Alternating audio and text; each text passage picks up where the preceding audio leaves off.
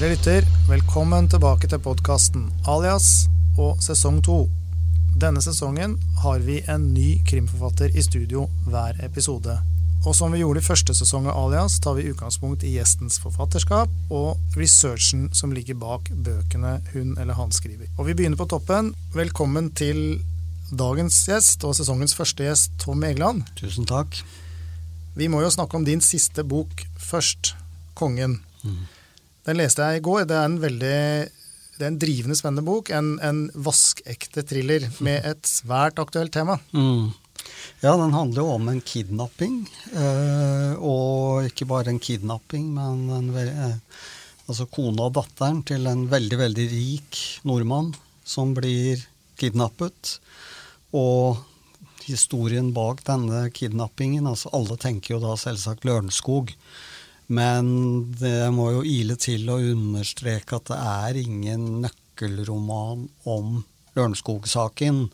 Eh, jeg var godt i gang med planleggingen og arbeidet med kongen da Lørenskog-saken sprakk i mediene.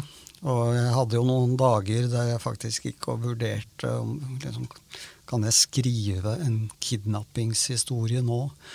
Men jeg endte jo med å, å fullføre det, da. Og, men som alle som leser boken, ser jo at altså, det eneste fellestrekket er jo en kidnapping. Og det blir litt som et, altså, en, en, krimroman om et drap. Har jo ikke noe likhet med et, liksom, alle de drapene som nå engang blir begått. Så sånn sett er det jo bare at uh, litteraturen og virkeligheten hermer etter hverandre. Mm. Når jeg leste den, så tenkte jeg det at det er jo veldig vanskelig å ikke, ikke tenke på Lørenskog-saken, men har, det, er jo en helt annen historie. Mm. Så det vil si, det vet vi jo for så vidt ikke, for den er jo ikke løst. Nei, det er sant. Det, det, det, kan jo være krefter på Cayman Island som står bak Lørenskog-saken, for alt vi vet. Men det er jo klart, uh, altså selv om hva skal vi si, altså selv om ofrenes historie er ulik, Uh, altså I Kongen så er det jo en, en, den unge konen til en rik mann og deres 14 år gamle datter som begge to blir kidnappet. Så der er jo ingen likhetspunkter. Men jeg må jo klart si det at jeg har jo fulgt nøye med på uh, dekningen av Lørenskog-saken og plukket opp mange politimetoder. Altså hvordan tenker politiet, hvordan går de frem? Selv om jeg hva skal jeg si, hadde mye av dette inne fra før, så dukket jo stadig vekk opp. altså Plutselig så er det jo og leter etter noe sko i en skobutikk, eller hvor selges den type papir og konvolutt, som du jo normalt ikke ville tenke at det er mulig å undersøke. Men Lørenskog-etterforskningen har jo vært så ekstremt detaljert at jeg som, som, krimforfatter har plukket opp masse nyttige tips som jeg lar mine etterforskere også gjøre, da. Vi forsøker jo den podkasten her å gå dypt inn i um, bakgrunnen for de historiene de spenningsforfattere bruker. Mm. Um, og Erfaringen er at man gjør veldig mye research og lærer veldig mye. Mm. Og noe bruker man, andre ting får man ikke brukt. Mm. Men man sitter jo igjen med en del tanker som det kan være morsomt å snakke om. Veldig spennende å, å utforske videre. Så jeg har litt lyst til å spørre, hva skal til for å gjennomføre en vellykket kidnapping? I utgangspunktet veldig mye, uh, tror jeg. Uh, nå er det jo det å si at i Norge så er kidnappinger ekstremt sjelden. Uh, altså I land som altså Colombia, store deler av Sør-Amerika og for så vidt USA, så, så, er det jo heller ikke vanlig, men hva skal vi si, vanligere enn det er her. Og dette er jo også litt altså Når Lørenskog-saken er blitt så ekstremt dekket, så, så, handler jo det litt om overraskelsen over at noe sånt skjer. Men også, også det faktum at saken ikke er løst. Da jeg hørte om kidnappingen altså på Lørenskog eh, i januar året etter, så var jeg for meg selv overbevist om at hun dessverre ikke var i live. Altså det, det, det er imot enhver logisk formodning at kidnappere skal beholde et offer i uker og måneder, og nå er det jo blitt år, i levende live i en celle. Altså det vil jo være i en kidnappers interesse å beholde offeret kortest mulig og få pengene fortest mulig. Og så er det jo klart at eh, jeg er jo overbevist om at politiet i Lørenskog-saken eh, drev en hva skal vi si, hemmelig skyggeetterforskning mot ektemannen fra ganske tidlig fase. Altså Vi som jo har jobbet i nyhetsmedier i mange år, vet jo at i det øyeblikk en kvinne i et etablert forhold forsvinner, så er jo partneren en av de første man mistenker. Altså, dette vet jo selvsagt politiet. altså Det er vel den første refleksen som slår inn. Kan vi sjekke ektemannen eller partneren ut eller ikke? Mm. Hva skal jeg si, jeg ble jo ikke overrasket da ektemannen senere ble siktet. Så var det kanskje mer overraskende hvor lite de nå egentlig har på ham. Det er jo også selvsagt forsvarernes uh, tunge argument, og, og, retten har jo avvist uh, varetektsfengsling nettopp av den grunn. Men at politiets mistanke hvilte over uh, ektemannen i Lørenskog-saken fra dag én, tar jeg nesten for gitt. Mm. Det, det som er interessant med med din historie, og dette er ting jeg har holdt på med mye selv også, og man ser det jo også i Lørenskog-saken. Det kan være kanskje vår billett inn i den virkelige verden. da. Det er det med å skjule digitale spor, opptre anonymt på nettet. Mm. Eh, både når det gjelder pengetransaksjoner, men også krypterte mm. meldingstjenester. Altså måten man i en verden hvor alt blir dokumentert, fortsatt hvis man har visse ferdigheter. Mm. Hvis du har særlige ferdigheter, så mm. klarer du å gjemme deg så godt. Mm. Du gjemmer deg enda bedre bort enn du kunne gjort i en analog tilværelse. Og så har du dette med kryptovaluta, mm. som jo er uhyre spennende. Hvordan mm. du kan ved hjelp av disse blockchain-verifiseringsmetodene kan betale masse penger, og så er det mm. ingen som kan ane hvor penga har blitt av. Mm. Dette er jo gefundus fressen for oss som driver og spekulerer og, og har, eh, har, skumle tanker over tastaturet. Mm. Ja, det er jo en, en verden som er nokså fremmed for de fleste av oss. Uh, I researchen her så lastet jo jeg ned dette, denne Tor Onion, altså denne, dette Hva heter det? Mørke nett, eller svarte nett, eller hva det heter hvor du kan kjøpe atomvåpen og narkotika og stridsvogner fra Afrika, hva det nå måtte være ute etter. Og kom jo inn der i en vei altså Jeg må si jeg skjønte veldig lite. Jeg syns dette var forvirrende. Eh, det mørke nettet, hva skal vi si, liksom opererer ikke sånn som Google, for å si det på en enkel måte. Men de som er flinke, vet jo å, å manøvrere. Og, og ja, hele, hele, dette altså Monero og bitcoin og disse digitale valutaene som jo på en måte er mytologier. Altså det, det, det er jo ikke en valuta med hva skal vi si, basis i gullbarrer i et hvelv sånn som de fleste nasjonalvalutaer jo representerer en, en, en, konkret verdi. Så dette er jo en, en, annen verden. Samtidig er det så komplisert at uh, jeg bestemte meg for ikke, da jeg skrev 'Kongen', å gå for dypt inn i nettopp dette med altså Som i Lørenskog-saken, hvor de jo gir beskjeder, anonyme beskjeder uh, via nærmest tallkoder. Uh, det, det, det, er, det, er, innfløkt, og det er vanskelig å forstå. Og det er teknologisk vrient for de fleste av oss.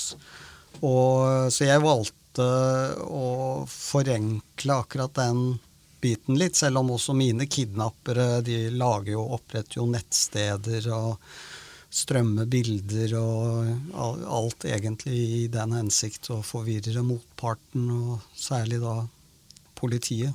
Mm. Tilbake til dette med ferdighetene. fordi at det er jo som du sier, det er komplisert. Du skal kunne en hel del. Tor er jo Tor-leseren, eller Onion-browseren som den kalles, er jo egentlig bare en nettleser. Mm. Men den gir deg tilgang til andre områder av nettet som du normalt sett er blokkert fra å komme til hvis du bruker eh, f.eks. Google Chrome mm. eller Safari mm. eller eh, Explorer eller hva du måtte gjøre. Så det er det med å få tilgangen til dette som på en mm. måte løser opp, eh, løses opp da, ved å, å, bruke en sånn type nettleser eller noe annet. Mm. Ironisk nok så er jo Tor er jo noe amerikanske myndigheter har utviklet nettopp for å kunne kommunisere anonymt mm. over nettet. Mm. Og som de fortsatt opprettholder og fortsetter å utvikle fordi de mener det er viktig for demokratibevegelsen i land som er undertrykte. Da. Mm. Så her har man både en positiv og en negativ side ja, av det samme. Absolutt. Men eh, jeg tenkte på at du må ha en Når man har en kidnappingssak, sånn som i din bok, eller i andre sammenhenger, i dagens si, tilstand, så krever det en del ferdigheter som er ganske avanserte. Og da begynner man å lure på hvem er det som har dette, hvorfor, hvor får man tak i sånne folk? Mm. Hvor får man tak i folk hvis man skal kidnappe noen? i den hensikt at de senere skal forsvinne. Mm. Hvem, hvor går man for å leie inn noen til å gjøre det? Jeg har noen tanker om det, men jeg kunne tenke meg å høre dine først. Nei, jeg tror Altså, du kan si enhver forbrytelse, det være seg innbrudd, øh, forsikringssvindel, drap, kidnapping Altså, hvem som helst av oss kan jo i prinsippet utføre det. Og i ni av ti tilfeller så vil jo vi amatører bli tatt ganske fort. Men eh, jeg tror eh, hvis vi nå eh, Ja, altså både Lørenskog-saken og helt konkret i min roman 'Kongen', så er jo dette gjort ved hjelp av utenlandske kriminelle det finnes jo selvsagt kriminelle miljøer i Norge og i Oslo som kunne tenkes å gjennomføre noe slikt. Men samtidig er det jo litt sånn, altså hvis vi skal se overordnet på det, hvis de engasjerte liksom syn noe tilsvarende til Tveita-gjengen, da, hvis de hadde mm. eksistert den dag i dag. Det gjør de vel, eller hva vet jeg, men jeg tror ikke de gjør det.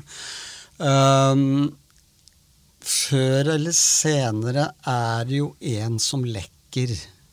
Ja. Ikke sant? Altså, du blir tatt for et ran som ikke har noe med den saken å gjøre, og så ser du for deg 17 år og så sier hun men hvis jeg kan røpe noe om en mye mer dramatisk sak hvis du tilbyr meg lavere straff, da.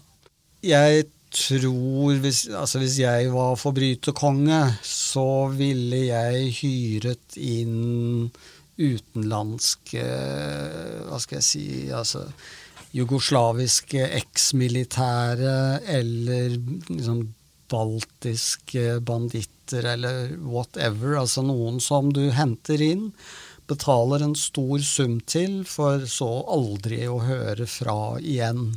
Mm.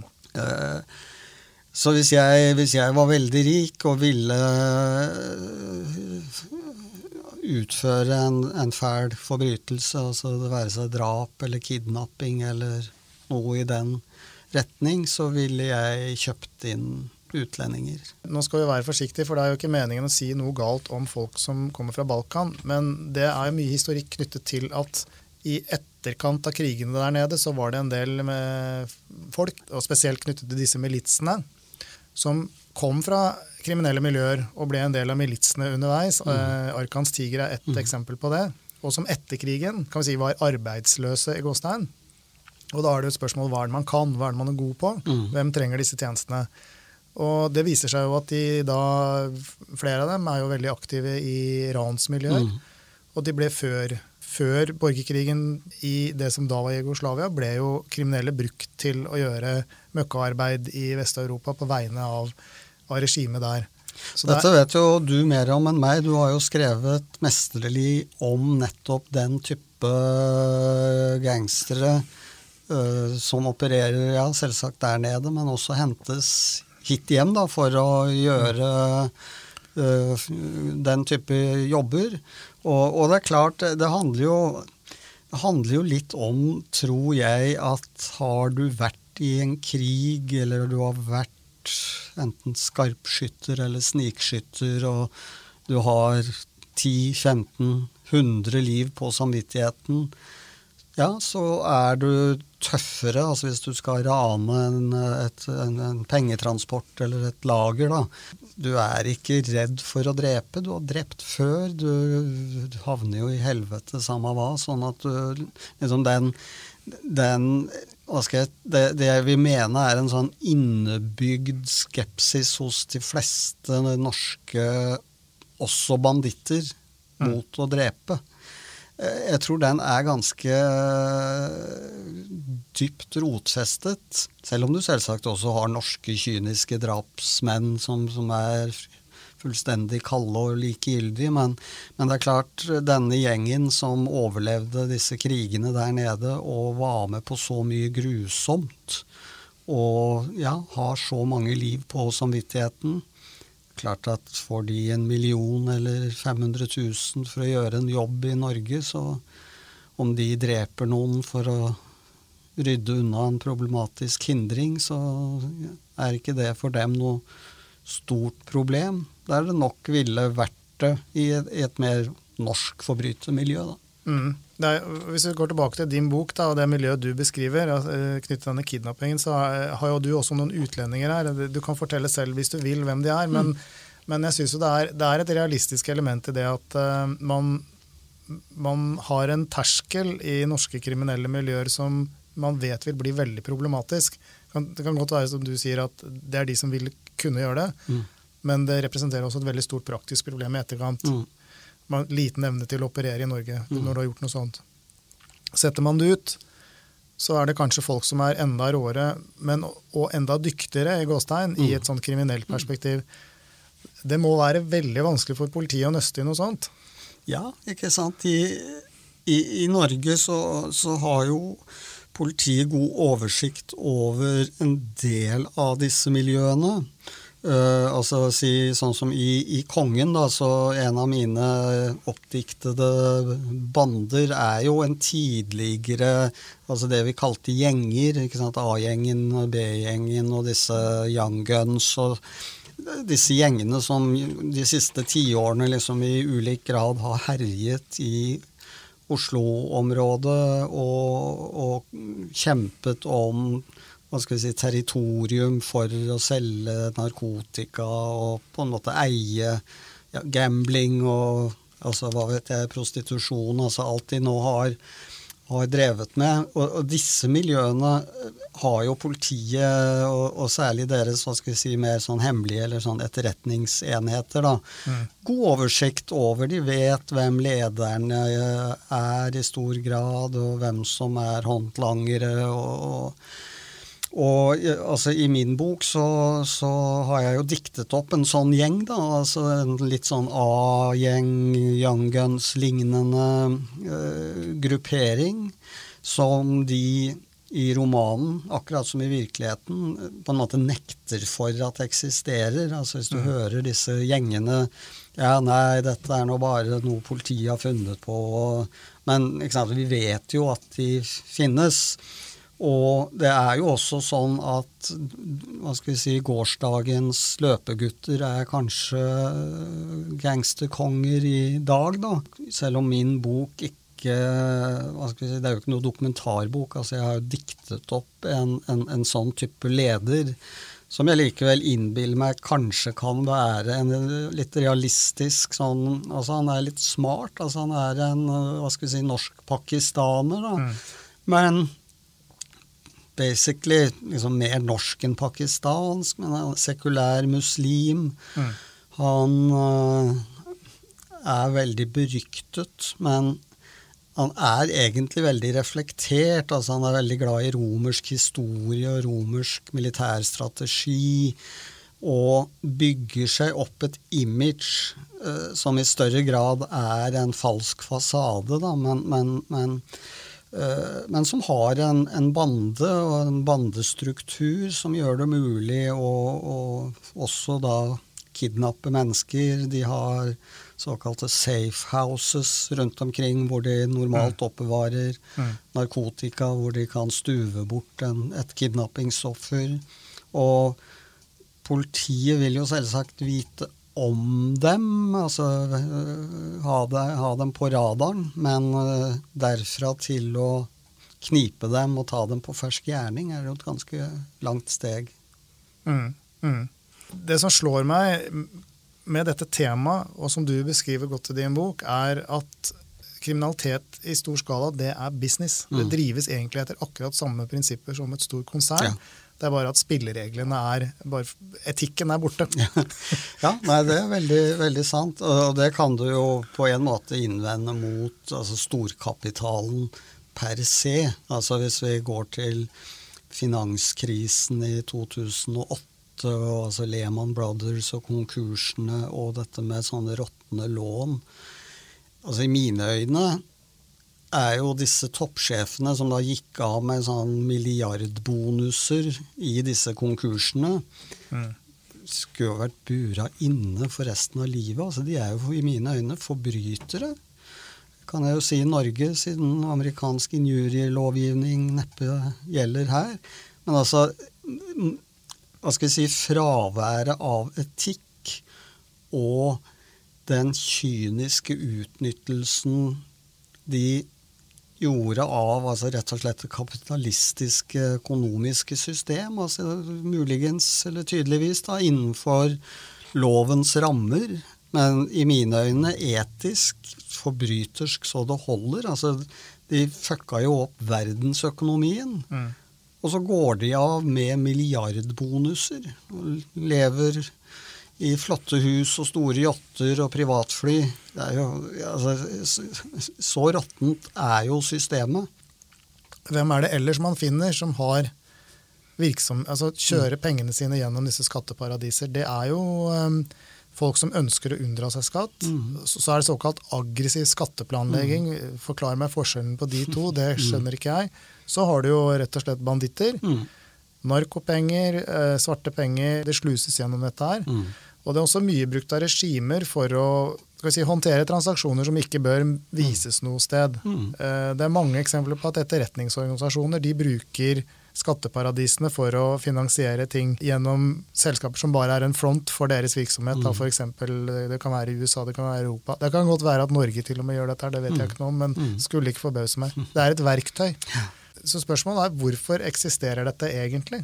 Hvorfor trenger man disse For de blir jo veldig systematisk brukt av skurker. Ja.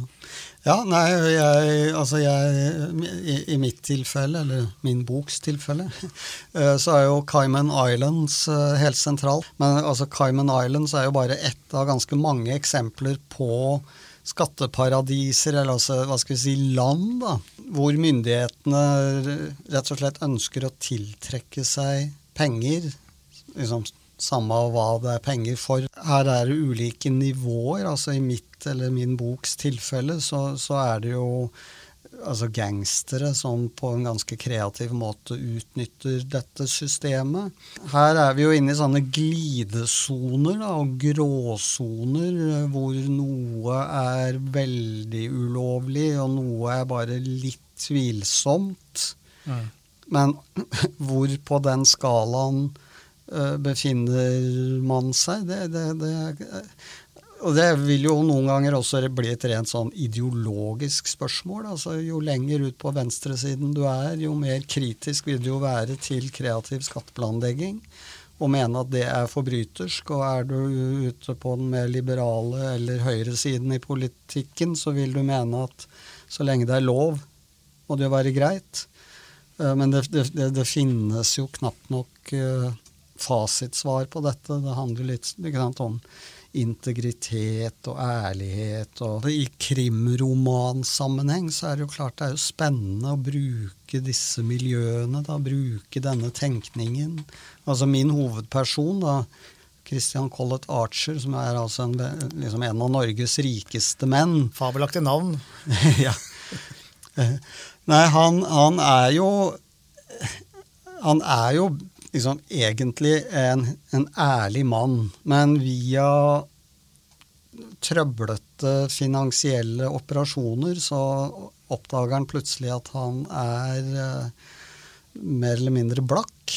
Og han eier et liksom sånn gigantisk altså Se for deg Aker RGI, eller liksom en sånn megafirma som, som risikerer å gå konk. Og så får han da tilbud om noen lån som helt åpenbart er fra ikke helt gode kilder, men han holder seg for nesa og tar imot pengene og berger seg og tenker som så at liksom dette hjelper meg fram til jeg får penger igjen. Altså, så synker han jo dypere og dypere ned i en sånn finansiell gjørme, da. Sånn, og dette står han jo midt oppi da kona og datteren kidnappes. Mm. Så han skjønner jo tidlig at det er jo ikke usannsynlig at denne kidnappingen har noe med dette å gjøre. Men samtidig vet han jo ikke. Eh, men eh, det ga meg jo mulighet til å leke meg med ganske skremmende dilemmaer. Mm. Altså bare noe så enkelt. Går han til politiet? Altså, Enhver av oss ville jo, hvis vi kommer hjem fra jobben og oppdager at døra står åpen og kona og ungene er borte Vi ville jo ringt politiet og iverksatt en svær etterforskning, men hvis du er i en situasjon som min hovedperson, da, så skjønner du jo kanskje at her vil ikke politiet nødvendigvis være de beste til å løse dette. Og det, på, på, på, et litterært nivå er jo det spennende stoff å jobbe mm. med. Hvordan, hva tenker du da, hva gjør du, hva, hvordan agerer du i en så håpløs situasjon? Mm. Jeg tenkte helt til slutt um, å ta bare noen, noen ord om uh, formatet thriller. Mm. Det er veldig stor sjanger internasjonalt. I Norge er den ikke um, så stor. Der her er, er krim mm. eh, definitivt den, den største sjangeren. Mm. Eh, hva er det som kjennetegner en thriller? Altså, For å si det veldig grovt, så kan du jo si at en krim handler om å oppklare en forbrytelse. Mens en thriller handler om å avverge en forbrytelse eller redde liv. Eh, sånn at en thriller vil veldig ofte være mer intens. Det er mer den der følelsen av en sånn klokke som tikker ned. Saken må være løst i løpet av 24 timer, ellers dør noen. Der hvor en tradisjonell krim handler jo om oppklaringen av en forbrytelse, hvor ledetråder legges fram, og etterforskerne må pare beina og skjønne sammenhenger, helst litt før leseren. Uh, så, men altså grovt sett uh, kan du si at thrillere er mer intense og mm. mer altså et, et, enda altså Jeg vil jo si selv at 'Kongen' er nok litt sånn i grenseland mellom krimmen og thrilleren. Min forrige roman, uh, 'Falken', var jo en klassisk thriller mm. som handlet om uh, kapringen av 19-trikken til Jabru, og som foregår innenfor tre timer med liksom nærmest minutt for minutt. Uh, Alistair MacLean, for de som er gamle nok til å huske ham. Typisk thrillerforfatter. Foresight. Uh, Bagley. Bagley, som jo mm. var liksom MacLeans litt sånn bleke etterligning, husker jeg syntes. Mens sant, Agatha Christie representerer jo mer den tradisjonelle uh, liksom, oppnøstingskriminallitteraturen, da, med mm. blindspor og reelle spor, og hvor løsningen kommer fordi klokken fem falt ikke skyggen fra treet utenpå på det punktet på bordet, så det betyr ikke sant, altså sånn, sånn kløktige, kløktig oppfunne forbrytelser og avdekkingen av dem. Da. Mm. Men jeg må jo si det, jeg leste jo 'Kongen i går'. Eh, og det, det er, er, jo en bok som følger thrilleroppskriften mm. eh, på en veldig god måte. Det skjer ting hele tiden, og du er med på et et race mm. som er veldig spennende og mange elementer. Uh, og det er jo slik det skal være i en sånn bok. Og dette, er, dette her er det helt tydelig at uh, blir litt skryt da her på slutten. Her er det en forfatter som har kontroll over virkemidlene. jo, takk. Så takk for en god leseopplevelse. Jo, så hyggelig. Tusen takk for at du tok deg tid til å komme. Det var veldig interessant. Takk for praten, og takk til dere som jeg håper har hørt på. Ha det godt.